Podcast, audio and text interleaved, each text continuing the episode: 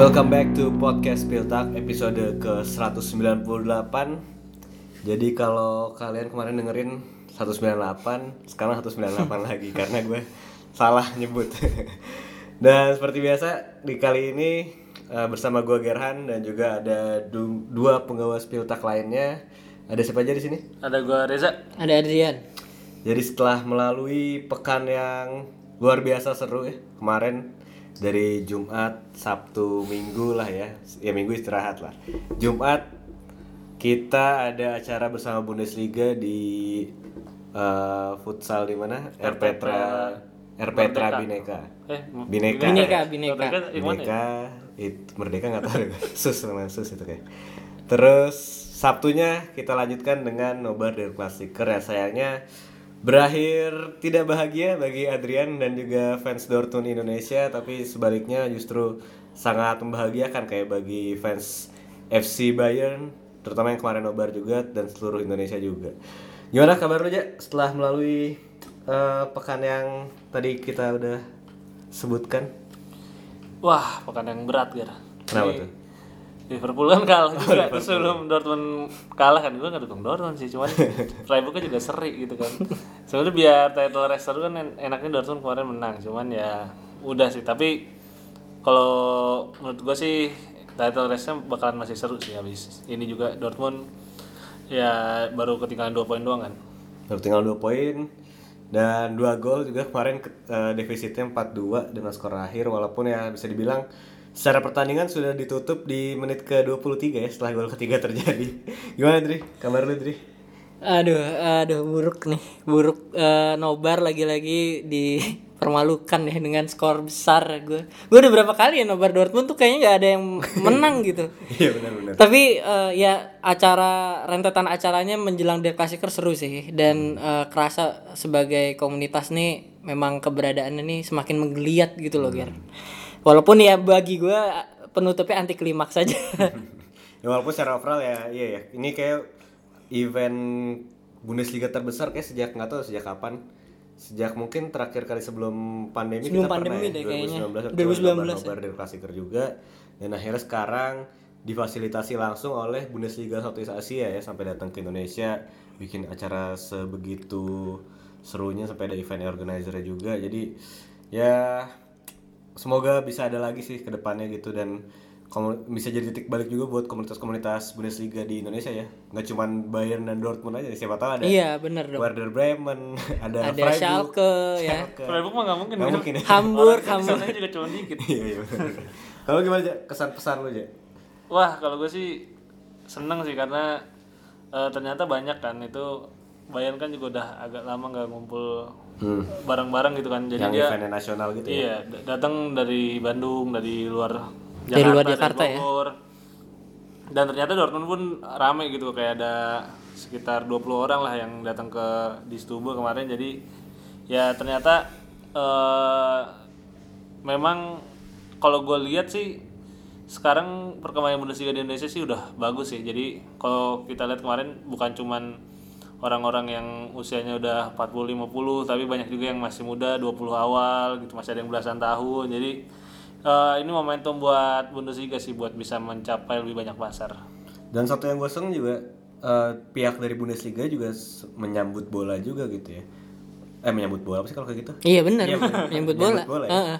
Iya Ngejemput bola. ngejemput Punya- bola lebih ke menyambut Ramadan sih Menjemput nggak Iya. salah. Kan- kan Menjemput bola di dengan menyambut Ramadan Iya. gitu ya. menyediakan takjil dan menjemput bola bukan menyambut nyambut tuh yang dapat dong berarti Iya benar. menjemput, bola, langsung ke Indonesia Borussia Dortmund juga ada dari perwakilannya walaupun ya Bayern Munchen kemarin ada perwakilan tuh Kayaknya Gua gue sih nggak aware ya. nggak ada Tapi ya yang jelas Dortmund ada beberapa yang datang.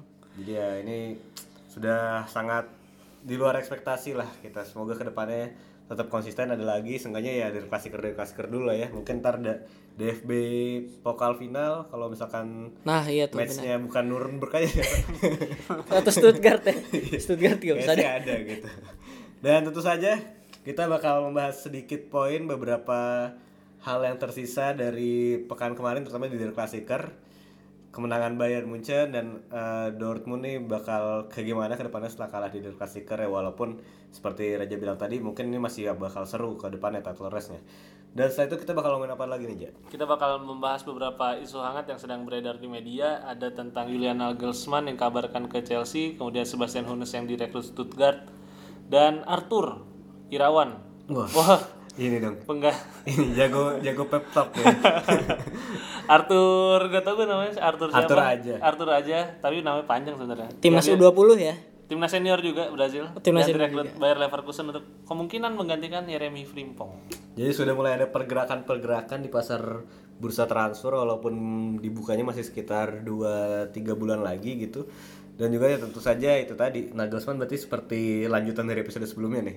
Kemarin kita baru ngebahas gimana eh, Nagelsmann ke depannya dan ternyata sudah ada kabar bersambut gitu. Potter dari pecat kabarnya mengincar Nagelsmann ya apakah bakal cocok nanti bakal kita bahas lagi tapi seperti tadi udah kita singgung Der Klassiker menjadi eh, topik lah dari pekan kemarin di Sabtu Minggu kemarin ya selain mungkin selain ada match Manchester City lawan Liverpool yang bisa dibilang ya bukan match papan atas ya. Karena Liverpool peringkat 8 peringkat 8 dan hasilnya juga jomplang tapi ya sebenarnya bisa dibilang hasilnya sama-sama anti klimaks nih.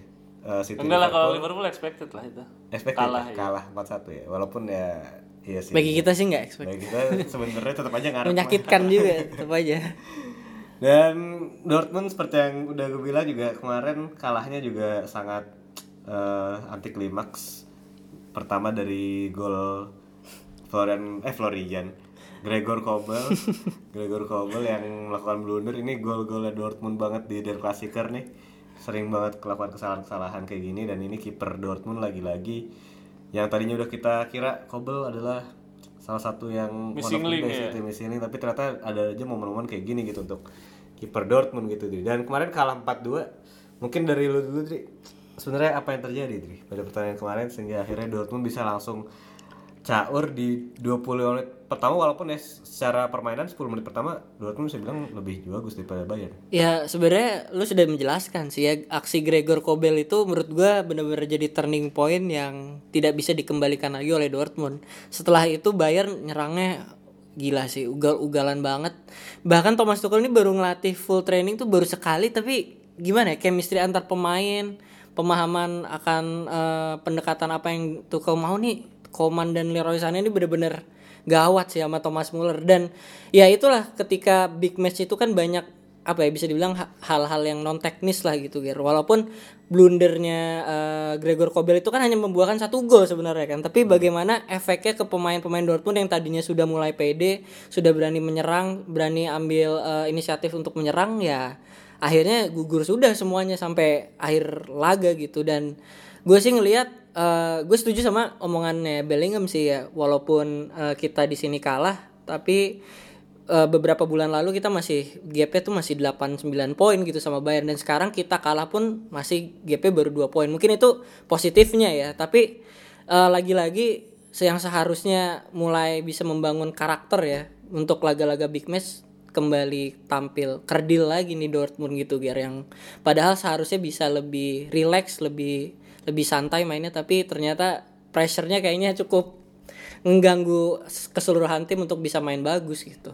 walaupun pada akhirnya bisa mencetak dua gol ya dan Iya tapi kan tuh mainnya Bayern udah skornya nggak jauh-jauh banget tapi ya mungkin secara permainan sebenarnya Iya, tapi sebenarnya maksudnya kemampuan untuk mencetak gol Dortmund tetap ada di match itu, cuman memang lini belakangnya udah aur-auran sih. Tapi apakah lu setuju ya kalau memang momen gol pertama itu yang membuat Dortmund hancur ke belakang ya dan ya bisa dibilang kalau gue ngeliat sih emang Bayern dari awal emang lebih berhati-hati sih sama Thomas Tuchel apa menurut lu gimana aja?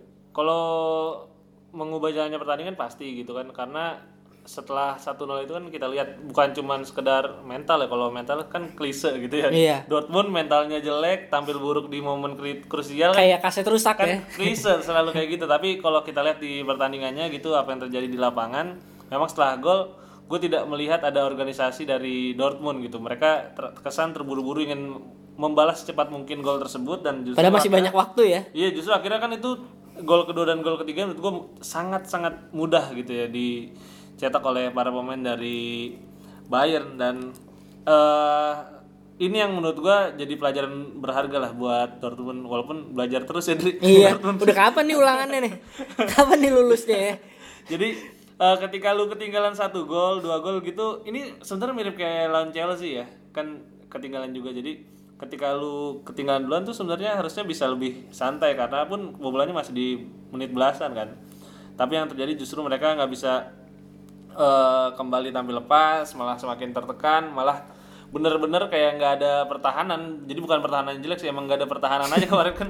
Itu beberapa kali bola dari tengah kosong ya ke depan itu benar-benar kosong nggak ada satupun back dari Dortmund jadi ini yang kemudian jadi makanan empuk buat Thomas Tuchel karena gue lihat perbedaan yang paling jelas antara Julian Nagelsmann dengan Thomas Tuchel adalah Bayern ini bermain lebih simple ketika bersama dengan Thomas Tuchel karena kalau Nagelsmann mungkin complicated lu back sayap harus main inverted lu jadi striker harus turun jadi false nine dan lain dan lain. Sementara kalau Thomas Tuchel dia tahu kelebihannya apa pemain-pemain cepat di sisi sayap Kingsley Coman terus juga ada di kanan siapa kanan tadi Sane Leroy Sané. Dan dia tahu apa kelemahan lawan gitu kan. Kelemahan lawan adalah ketika Maris Wolf banyak maju ada gap antara center back sebelah kanan sama right back. Dan ini yang terus dimanfaatin sepanjang pertandingan termasuk yang gol keempatnya Bayern kan itu karena Maris Wolf juga telat mendeteksi adanya pergerakan tanpa bola dari pemain Bayern jadi memang Tuchel tahu apa kelebihannya tahu apa kekurangannya eh main lebih direct lebih punya tujuan dan sebenarnya ini baru permulaan dan masih banyak sih yang bisa diperbaiki buat Bayern ke depannya. Berarti memang sebenarnya nggak terlalu bagus-bagus banget dibandingkan dengan misalkan picknya Hansi Flick atau picknya Julian Nagelsmann. Menurut lu masih banyak more to come lah gitu dari Tapi Tuchel justru yang dibutuhkan oleh Bayern menurut gua pelatih yang kayak gini, pelatih yang, yang bisa simple kayak Hansi Flick. Kan. stabil gini ya. Hansi Flick kan sebenarnya kan mainnya juga simple, nggak punya banyak plan. Nggak gitu banyak kan. plan ya. ya kan mainnya bahkan juga- sebenarnya plan itu Iya, apa gitu dia aja nggak ada Iya, gitu menurut gue sih Menurut gua butuh pelatih yang lebih simple karena lu punya pemain sekelas Bayern pun main simple sebenarnya udah Udah cukup. pertandingan gitu. Benar benar benar. Kalau lu gimana ya? Apakah lu setuju emang ini menjadi gambaran permainan Bayern hingga akhir musim nanti? Iya dan gue memang setuju juga. Menurut gue Nagelsmann kalau untuk menge- apa ya eh, mengkomandoi pemain-pemain yang sudah sebagus ini memang jadi jelimet. Justru potensi terbaik dari pemain-pemain ini nggak keluar. Sedangkan menurut gue di pertandingan kemarin Tuchel ini lebih santai. Yang penting ada apa ya ibaratnya ide ide besarnya saja tapi nggak sampai ke teknis yang sangat eh, detail ke, detail kecil gitu. Jadi bagaimana eh, pemainnya aja gitu berdasarkan eh, keahlian pemainnya mengeksploitasi kecepatan pemain eh, Bayern atas Dortmund dan segala macamnya itu berjalan dengan baik. Dan ya eh, mungkin kekurangannya adalah buang-buang peluang di babak kedua aja sih, Ger. Harusnya dari 4-0 itu bisa 5 atau 6.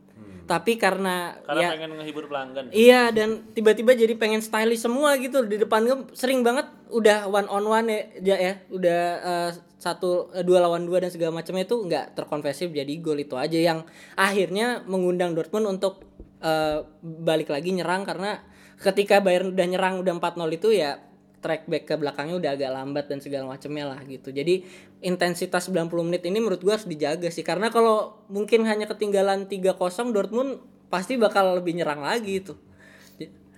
Dan dan Dortmund di babak kedua juga saat masukkan pemain juga menurut lu udah melakukan hal yang benar menurut lu. Ya udah nggak ada yang bisa dicoba lagi sebenarnya. Tapi gua suka ketika Malen Mukoko ini masuk dan memang ternyata ini yang yang bisa apa ngebuka kebuntuan Dortmund gitu. Pemainnya punya kecepatan yang berani nekat lah gitu nggak. Kalau Brand kan lebih eh, lebih apa ya mainnya lebih rapi lebih terstruktur. Kalau Malen Mukoko kan ya gerada geruduk aja gitu loh. Jadi kadang butuh juga pemain yang seperti itu dan ternyata Dortmund punya dua pemain tersebut gitu Gar. Dan bagaimanapun juga ini masih satu sampel lah, satu sampel pertandingan bagi Thomas Tuchel.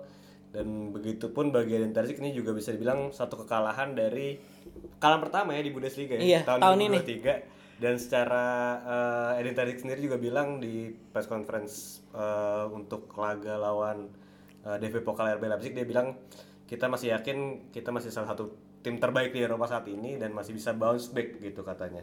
Lu apakah setuju ya dengan mentalitas Edin Terzic lu apakah Dortmund sebenarnya masih bakal, bakal bisa kan bounce back lagi nih?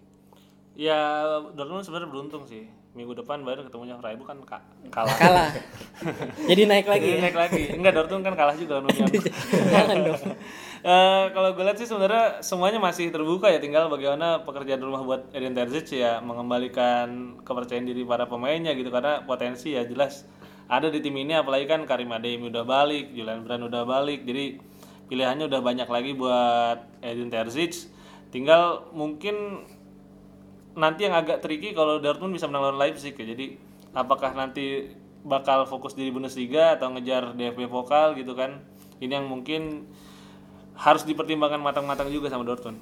Kalau lu gimana, Dri? Apakah lu pede Dortmund masih bisa mengejar Bayern setelah ini?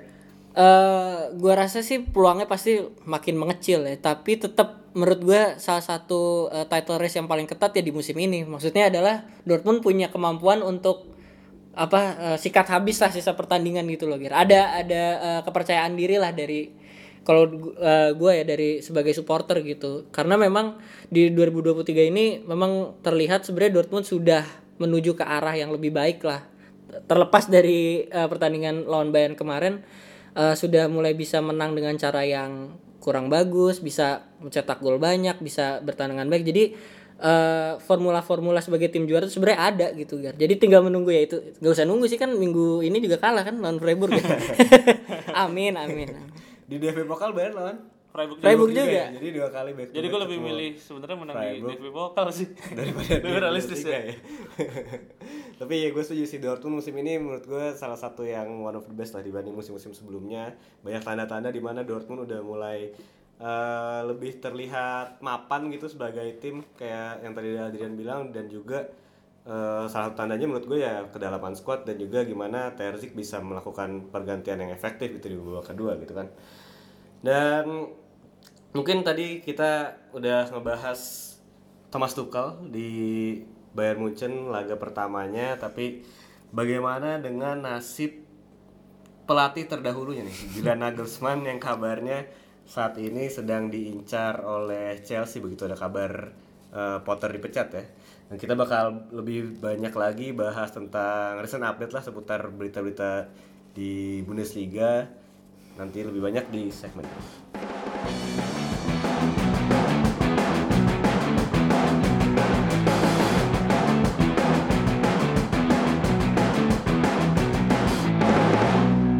Thomas Tuchel berhasil menjalani debut yang manis bersama dengan Bayern Munchen tetapi ini lebih manis lagi karena Chelsea yang membuangnya justru makin merosot ke peringkat ke-11 bottom half ya. Dan Graham Potter ternyata hanya bertahan beberapa bulan saja sehingga kembali membuat kursi kepelatihan di Chelsea ini kosong dan beberapa hari setelah dipecatnya Graham Potter sudah dipastikan yang menggantikannya adalah Bruno Saltor. Ini juga random banget ya. Gimana pemain yang pensiun di Brighton and Hove Albion tiba-tiba karir melatih pertamanya tuh di Chelsea gitu kan? Dan, dan ada ada ini press conference tadi barusan gue baca ini pertama kali dalam hidupnya sebagai pelatih dia bakal memilih kesebelasan pertama. Oh iya. starting eleven pertama. Dia belum pernah sebelumnya. Ini jarang-jarang gitu ya dia, dia di konferensi pers ditanya eh, Raheem Sterling, Wesley Fofana bisa main apa enggak gitu kan. Dan Bruno Salter kayak baru pensiun beberapa musim lalu ya? 4 tiga musim yang lalu kan. Dan ini gue ingat banget waktu lawan Werder Bremen lawan Valencia nih dia main. Zamannya Petri Pasanen waktu itu bek kirinya Werder Bremen. Di start tahun 2009 lah.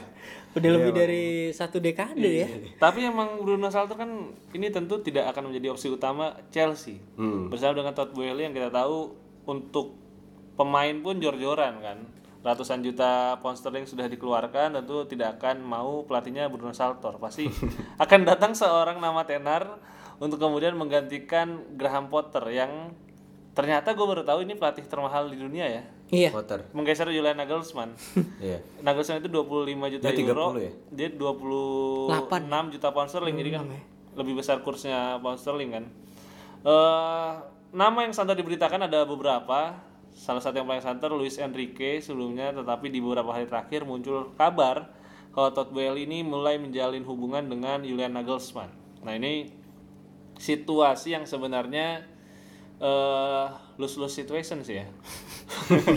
yang pertama karena eh kalau Nagelsmann datang ke Chelsea, sebenarnya Chelsea bukan tim yang sedang settle, jadi tekanannya pun akan tetap tinggi. Sementara itu Chelsea kalau mendatangkan Nagelsmann ini dia harus membayar sisa gaji Nagelsmann yang juga masih cukup panjang bersama dengan Bayern. Nah, lu lihat apakah ini akan kejadian atau enggak? Kalau gue masih 50-50 juga sih karena dari kabar terakhir Nagelsmann itu kan dia bilang gue baca eh, open to projects yang memang mendukung dia. Jadi kalau misalkan Todd Boehly me, apa ya, mensupport dengan ide-ide yang menurut dia bisa bikin dia nyaman gitu di klub ini menurut gue bisa aja Nagelsmann berpikir ulang sih. Walaupun di satu sisi juga lebih akan lebih apa ya akan lebih masuk akal misalkan Nagelsmann langsung di musim depan gitu full seasonnya. Tapi kalau secara kecocokan Nagelsmann dengan Chelsea gue ngeliat sih menurut, menurut gue cocok-cocok aja secara secara komposisi squad dengan pemain-pemain mudanya. Ini kan mengingatkan kita pada waktu eh, Nagelsmann di RB Leipzig tuh banyak pemain muda. Terus juga secara profil pemain pun nggak kayak di Bayern gitu. Nggak ada pemain yang lebih besar setara dengan klubnya lah bisa dibilang gitu kan. Saat ini siapa sih pemain Chelsea yang eh, sebesar itu? Kayaknya nggak ada. Siapa ya? Thiago Silva paling Thiago lah. Silva yang juga paling dia- senior. Ya paling senior gitu. Tapi secara sisanya nggak secara ada. influence gitu nggak ada yang sebesar Neuer nggak ada yang sebesar Thomas Muller di Chelsea gitu menurut gue jadi Nagelsmann eh, masuk akal sih dengan misalkan dia menerima tawaran Chelsea. Tapi gue nggak bisa ngeliat mungkin musim ini ya. Entah entah mungkin eh, tergantung dari hasil Bruno Saltor beberapa, beberapa pertandingan ke depan Siapa ya. tahu menang lawan siapa Liverpool tahu menang lawan Liverpool dan menang di Sabtu besok gitu Lawan besok lawan siapa Brighton. tuh? lawan Brighton ya Iya. Lawan tim mantan timnya ya. Kalau lihat Dri sendiri Dri, gimana Dri? Apakah Todd Boehly dengan Julian Nagelsmann ini perpaduan yang cocok gitu? Karena kan kalau kita tahu Todd Boehly ini tipe owner yang sebenarnya mau ikut campur segala macam urusan. Bahkan katanya kan transfer Chelsea pun yang hampir ratusan juta pound sterling itu semuanya hampir keinginannya si Todd Boehly kan. Itu kayak Mikhailo Mudrik tuh sampai 100 juta. Itu nggak nggak masuk akal karena sebenarnya enam bulan sebelumnya tuh hampir ke Leverkusen cuma 30 juta euro kan terus Noni Madueke terus, siapa lagi kan? Udah Fofana. Iya itu banyak banget yang ternyata masuknya pun adaptasinya cukup lama sebenarnya di Chelsea. Apakah menurut lu strategi transfer dan strategi manajemen seperti itu akan cocok buat Nagelsmann? Eh, ya kayaknya dengan pelajaran dia di Bayern udah cukup ketara lah ya. Nagelsmann sukanya sama orang kayak gimana karakternya kayak gimana dan gue rasa Todd Boehly kalau memang dia seorang bisnisman sejati pun sudah belajar lah harusnya nih dari keputusan Graham Potter yang katanya gajinya 250 ribu sepekan ya pound sterling gitu. Itu pelatih yang sebenarnya baru pertama kali ke tim nah itu ya? makanya. Tadi dia di Swedia kan Graham Potter. Oster itu Ostergund Ostersund. Ostersund ya? sama beruan Nourinya Bali United. Oh iya. Iya bener. Nah, nah itulah maksudnya eh ini eh, periode bersama Graham Potter menurut gue Todd Boehly harusnya belajar lah ya. Apalagi keputusan kalau kata Jimmy Carragher dari lu nggak bisa pindah dari Thomas Tuchel tuh ke Graham Potter. Nggak bisa pokoknya. Mau sebagus apa pun Graham Potter tuh beda level katanya gitu. Dan gue setuju gitu. Dan harusnya kalau Nagelsmann kan gosipnya sudah dilirik Spurs tapi katanya dia ngeles pengennya eh, musim panas aja. Nah kalau tiba-tiba ada kursi kepelatihan Chelsea yang kosong tiba-tiba dia jadi mau kan berarti ada ketertarikan awalnya dari Nagelsmann. Dan gua gua rasa Nagelsmann bakal punya permintaan-permintaan lah sebelum menyetujui kontrak bersama Chelsea gitu. Jadi ya tinggal bola panasnya sekarang ada di Todd Boehly mau nggak menurunkan ya ibaratnya cara bermain dulu dia sebagai owner ini untuk mengakomodir pelatih yang bisa dibilang jenius seperti Julian Nagelsmann itu aja sih sebenarnya karena dari komposisi pemain sebenarnya udah lumayan oke kok Menurut gue, Chelsea menurut gue cocok banget ini sama Nagelsmann. Gak tau kenapa ngingetin gue sama RB Leipzig di waktu pas dia ke semifinal UCL sih dengan pemain Eh, musim pertamanya ya Iya, musim pertama di Leipzig Ben Chilwell sebagai flying wingback, terus juga ada Rhys James. D- eh, pemain depannya pun tipikalnya menurut gue mirip-mirip juga kayak Havertz kan mirip-mirip kayak Nkunku yang Iya. sebenarnya pemeran per- perannya nggak begitu apa pocher banget gitu kan. Dan secara profil juga muda paling cuman kurang di lini tengah doang sih menurut gue ya itu paling Walaupun ya ketara Kan- sih di Chelsea masih juga. oke sih menurut gue untuk Kovacic satu musim. masih bagus kan. Iya. Dan eh, ya dalam sih di semua lini. Tapi sejauh ini kan yang dirumorin kan Chelsea Spurs sama Madrid Menurut lu yang paling cocok sebenarnya di mana Ger buat Nagelsmann? Chelsea gue. Ini gue seneng sih gak tau kenapa kalau Nagelsmann ke Chelsea. Kalau menurut lu paling cocok Chelsea juga. Enggak, kalau gue tetap Real Madrid sih karena Real Madrid eh apa ya? Memang ibaratnya gak setiap eh, dalam karir lu tuh Real Madrid mau sama lu gitu loh. Dibanding kayak Chelsea tiba-tiba Graham Potter gitu kan. Paham nggak eh, analogi gitu. Jadi Madrid tuh udah punya kelas tersendiri, level tersendiri untuk eh, mem- apa menarik minat dari pelatih-pelatih ataupun pemain gitu. Ibaratnya kalau Ancelotti beneran jadi pelatih Brazil dan kursi kepelatihan tuh kosong, Madrid gue rasa bakal mati-matian juga untuk ngejar si eh, Nagelsmann. Jadi tinggal bagaimana masing-masing klub menjajakan proyek si ke depannya gitu ke Nagelsmann kalau menurut gue sih. Ini, ini kita nih beda-beda nih sebenarnya. Lu Chelsea Ger, Adrian Madrid menurut gua paling cocok justru di Spurs. Spurs. Karena kalau di Spurs nih eh, less pressure ya. Maksudnya eh, Ini lu tim yang emang gak pernah menang. nah, lu nggak Banyak harus- waktu ya. Lu nggak harus juara buat jadi pelatih sukses. Di Top 4 aja udah bagus di ya. Tottenham Hotspur gitu kan. Top 4 udah bagus. Lu masuk misalnya semifinal Liga Champions kayak di RB Leipzig kan udah bagus 8 besar Liga Champions Spurs sudah bagus banget gitu kan. Jadi eh pressure-nya lebih rendah kemudian juga secara menurut gua transfer sekarang Spurs udah jauh lebih baik lah dibandingkan Daniel Levy di awal-awal ya sekarang Lebih jor-joran ya. lebih jor-joran dan menurut gua lebih on point gitu pembeliannya kan Rodrigo Bentancur, Dejan Kulusevski, eh, Pedro Porro.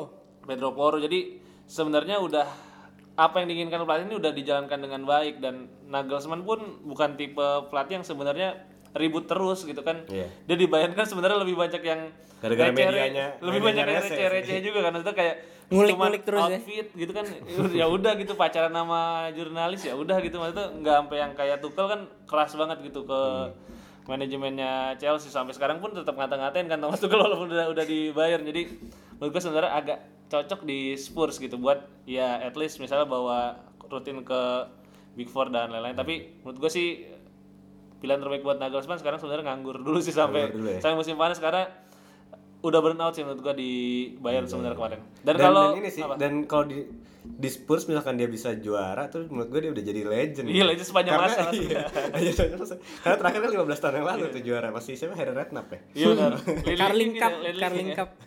Sama Craig Dawson ya. Iya. Ya Craig Dawson, Michael Dawson. Michael Dawson. Michael Dawson. Dan kalau misalnya Nagelsmann ke Chelsea sebenarnya kan ini agak kayak tukeran ya. Bayern, Oh, iya. Tuchel, Chelsea, rekrut Nagelsmann. Ini mirip sama Stuttgart dan Hoffenheim sebenarnya musim ini. Hoffenheim setelah memecat Andre Brighton Reiter mendatangkan Pellegrino Matarazzo yang dipecat oleh Stuttgart di pertengahan musim. Setelah itu Stuttgart setelah memecat Bruno Labbadia mendatangkan Sebastian Hoeneß yang dipecat oleh Hoffenheim di awal musim. Ini eh, Stuttgart akhirnya kembali memecat pelatih di mana sudah menunjuk Sebastian Hoeneß sebagai pelatih keempatnya musim ini. Setelah Pellegrino Matarazzo terus Michael Wimmer sebagai caretaker dan juga yang terakhir adalah Bruno Labbadia. Ini yang uniknya sebenarnya salah satu alasan utama dari board Stuttgart ini memecat Matarazzo karena Matarazzo tidak berpengalaman di relegation zone. Tetapi kan kita tahu Sebastian Hoeneß juga sebenarnya baru dua musim di Bundesliga dan sebenarnya tidak terlalu menjanjikan Ger. Nih lu melihat apakah ini sebuah langkah yang udah putus asa dari Stuttgart karena kontrak dari Sebastian nih kalaupun degradasi tetap nggak bakal diputus sebenarnya. Kalau gue ngeliatnya Sebastian Hoeneß salah satu pilihan yang bagus ya dibandingkan pilihan sebelumnya Bruno Labbadia. Ini Atau kan- pilihan tahun lalu ya yang Pilihan tahun lalu siapa? Bukan ini deh, Hertha yang tahun lalu Typhoon Korkut ya. Oh iya. Menurut gue lebih bagus eh, Sebastian Hoeneß apalagi Sebastian Hoeneß juga waktu di Hoffenheim baru pertama kali muncul musim pertama juga bisa dibilang oke kan masih papan tengah juga dan sempat mengejutkan di paruh musim pertama tuh sempat eh, peringkat 6 atau peringkat 5 gitu. Walaupun agak menurun setelahnya dan akhirnya di resign juga resign dipecat sih akhir musim 2022 eh Juni Dipecat Juni ya. 2022 ya kalau nggak salah ya. Dan menurut gua sebenarnya Stuttgart ini agak aneh emang saat memilih Bruno Labbadia, Bruno Labbadia juga dikontraknya sampai 2025 ternyata kemarin gitu. Dan sekarang akhirnya milih Sebastian Hoeneß yang juga eh, pelatih yang walaupun eh, tadi bisa sempat bagus di Hoffenheim, secara pengalaman juga kayak yang tadi lu bilang sebenarnya nggak ada pengalaman juga untuk di zona degradasi juga kan. Tapi menurut gue sih secara profil, secara komposisi squad si Sebastian Hoeneß juga di eh, press conference pertamanya dia bilang ini uh, pemain yang dia udah kenal gitu, udah tahu sejak dia melatih Hoffenheim dan ini bisa jadi sebuah keuntungan juga buat dia gitu untuk seenggaknya bisa fight back lah di zona bawah ini. Sedangkan kalau untuk siapa Hoffenheim di siapa saat ini? Matarazzo. Matarazzo ya. Menurut gue ini Matarazzo justru lebih pilihan yang safe juga. Kemarin juga udah bikin dua kali menang ya di Hoffenheim dan secara permainan lebih bagus juga. sih. Jadi menurut gue sih harapannya ya bisa main kayak untuk seenggaknya balik ke pragmatis lagi kalau di Stuttgart saat ini menurut gue. Kalau lihat Ri, apakah datangnya Sebastian Hoeneß nih bisa menyelamatkan Stuttgart dari jeratan relegasi atau enggak? Karena sebenarnya kan situasinya udah lumayan hancur ya Stuttgart musim ini. Ditinggal juga sama Sven Mislintat kan boardnya Ajax mereka, Iya. Si si Guirassi cedera ya? Gue rasa sih udah. Makanya jelek ya. Sisanya depan tuh wah parah sih. Itu siapa? Philip Forster ya? Phil Forster ya. Philip Forster terus Si kayak ini Thiago yang Thomas, Perea itu, iya, Jose Luis Pereira. Juan Perea Osan, Juan Juan Perea. Jose Perea. Terus eh, akhirnya sekarang malah terbenam di, di peringkat ke-18. Apakah masih bisa selamat atau ini udah nggak ada harapan buat Stuttgart dan sebuah kesalahan besar ketika mereka pertama kali memecat Pellegrino Matarazzo? Aduh ya menurut gue kombinasi semuanya sih Eh, kesalahan mecat Matarazzo juga karena hasil eh, buruknya itu berentet gitu ya dan tapi sebenarnya hasil buruk itu juga menggambarkan komposisi skuadnya gitu. Dan Aks- Sasa dan Axel Zagadu tuh ya itu juga. Zagadu tuh udah wah ternyata Dia- di dia Dortmund main nggak sih? Di main dia. Oh, main. itu masalahnya. Itu yang jadi masalahnya gitu.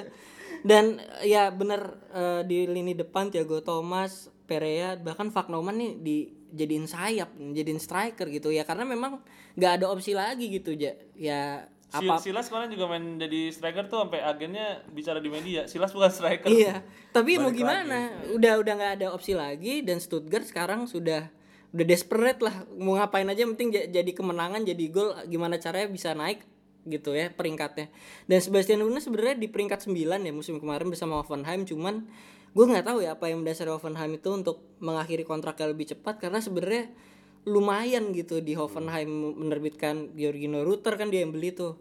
Terus juga eh, Baumgartner terus David Raum dan segala macamnya tuh salah satu pengorbitnya yang paling percaya sama pemain-pemain muda ini ya si Sebastian Hoeneß jadi ya mungkin eh, benang merah yang bisa diambil adalah kalau punya pemain muda potensial Sebastian Hoeneß ini bisa tahu lah bagaimana cara memanfaatkannya, bagaimana cara melatihnya untuk jadi pemain yang pemain inti yang sudah ready di Bundesliga gitu sih Ja. Tapi kalaupun Stuttgart harus turun ya memang karena komposisi pemainnya juga buruk. Jadi siapa pun pelatihnya bakal punya tugas yang dua kali lebih berat dari pelatih-pelatih klub lain gitu Ja. Ini semua sektor kayak underperform ya. Iya, bener-bener semuanya. Sampai kiper tuh Kiper dari Florian ganti-ganti Muller ya. diganti sama Udah Fabian- diganti-ganti. Ya sekarang. Terus belakang Jordinas Mavropanos turun jauh ya dibandingkan Ya dan lalu. tadi dan Axel Zagadu jangan pada lupa aja sih. Jadi memang sebenarnya Stuttgart di situasi yang tidak menguntungkan tapi gue setuju sama kata lu Dri. Memang Hunes nih tipe pelatih yang lumayan friendly dengan para pemain muda karena terbukti kan ketika sama Bayern Reserve juga jadi juara di Dritte Liga terus sama Hoffenheim banyak yang promosi, banyak yang direkrut dari tim lain dengan umur yang masih muda kayak Stiller, kan, Taylor dari iya benar-benar. Eh, tadi kita udah bahas tentang pelatih, berikutnya kita bakal ngebahas tentang beberapa satu sih sebenarnya, tapi memang sudah ada beberapa pergerakan perekrutan pemain dari tim Bundesliga sebelum musim panas. Beberapa di antaranya ada RB Leipzig ya udah datengin dua pemain Salzburg. si Benjamin Sesko Oh, lewat. sama Nikola Seevald. terus Josip Milicevic ke Stuttgart, terus Frankfurt juga baru datengin William Paco ya Hmm. dari Royal Antwerp dari timnya Mark van Bommel ini Paco bukan Paco Ken Monye tapi William Paco katanya juga salah satu back tengah terbaik di Belgia, saat Belgia, ini dan yang paling baru adalah Arthur Siapa nih? Arthur siapa? Arthur aja. Arthur Borges mungkin ya. Nama-nama ini kan biasanya. Nama Arthur generik ya. Arthur Melo yang Liverpool Nama-nama ya? generik. Iya, Arthur Melo itu. Liverpool. pokoknya Arthur ini back Arthur kanan, aja dah, ya. kanan dari Amerika tapi timnya tim asal Brazil nama timnya Amerika, Oh, Amerika. yang Bukan itu warna hijau. ya? Klub Amerika. bukan klub Oh, beda Amerika ini ada lagi Amerika MG gitu Oh iya. Pokoknya dari Amerika Selatan deh ya. Iya. Dan dia sebenarnya pemain timnas Brazil 20 posisinya bek kanan tapi kemarin di jeda internasional ketika kalah dari Maroko ya dia sempat main satu menit dan debut di tim senior Satu menit. Brazil satu menit. Bek kanan satu menit ngapain tadi? Lari lah lari aja. Eh, tetapi memang eh, ada potensi di sana karena di Brazil sebenarnya sekarang liganya belum mulai kan. Masih Campeonato Mineiro tuh kayak liga-liga negara bagian tapi dia udah main bagus dan dapat panggilan ke timnas Brazil senior. Jadi sebenarnya ada ada potensi eh, dan dia dikabarkan ini bakal mengganti Jeremy Frimpong Dri.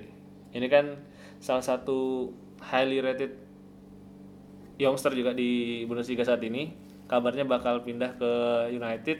Lalu lihat apakah ini sebenarnya saat yang tepat buat Frimpong untuk pindah atau menurut lu akan lebih baik kalau dia bertahan lebih lama di Leverkusen?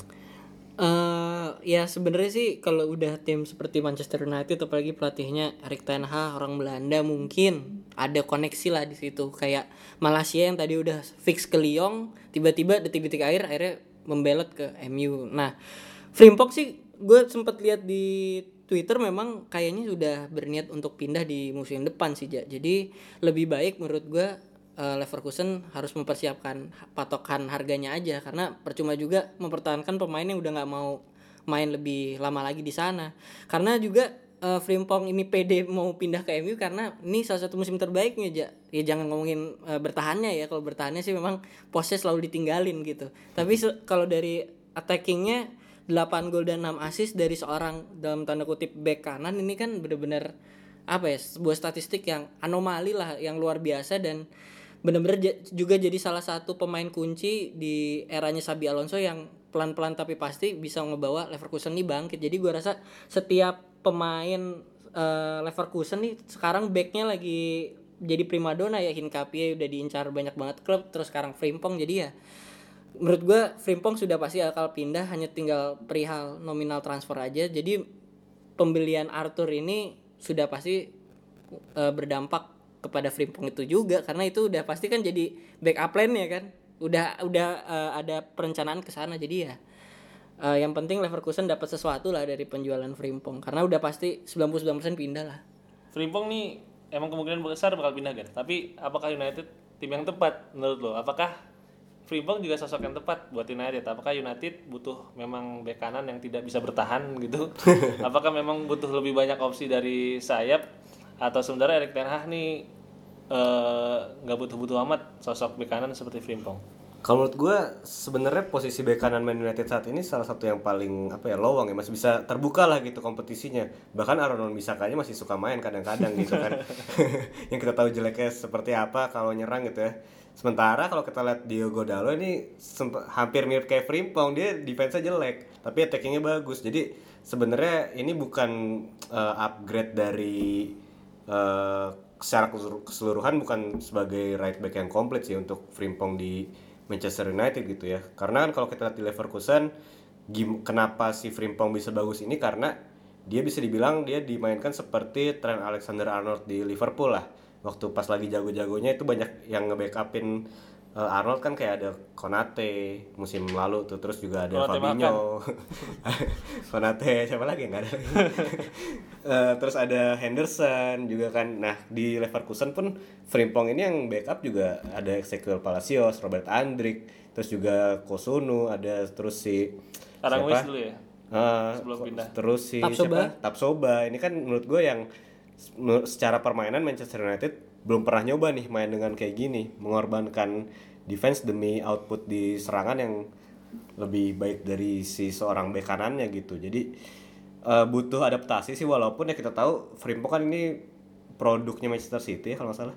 Iya. Dan dia pernah main di Celtic, jadi secara permainan di Inggris menurut gue eh, udah lumayan kenal gitu. Tapi ya itu tadi eh, mungkin eh, itu yang dikorbankan gitu. Misalkan datengin Frimpong ya kita harus eh Manchester United harus lihat lagi nih siapa yang bakal nge-backup dia untuk di sisi pertahanan gitu.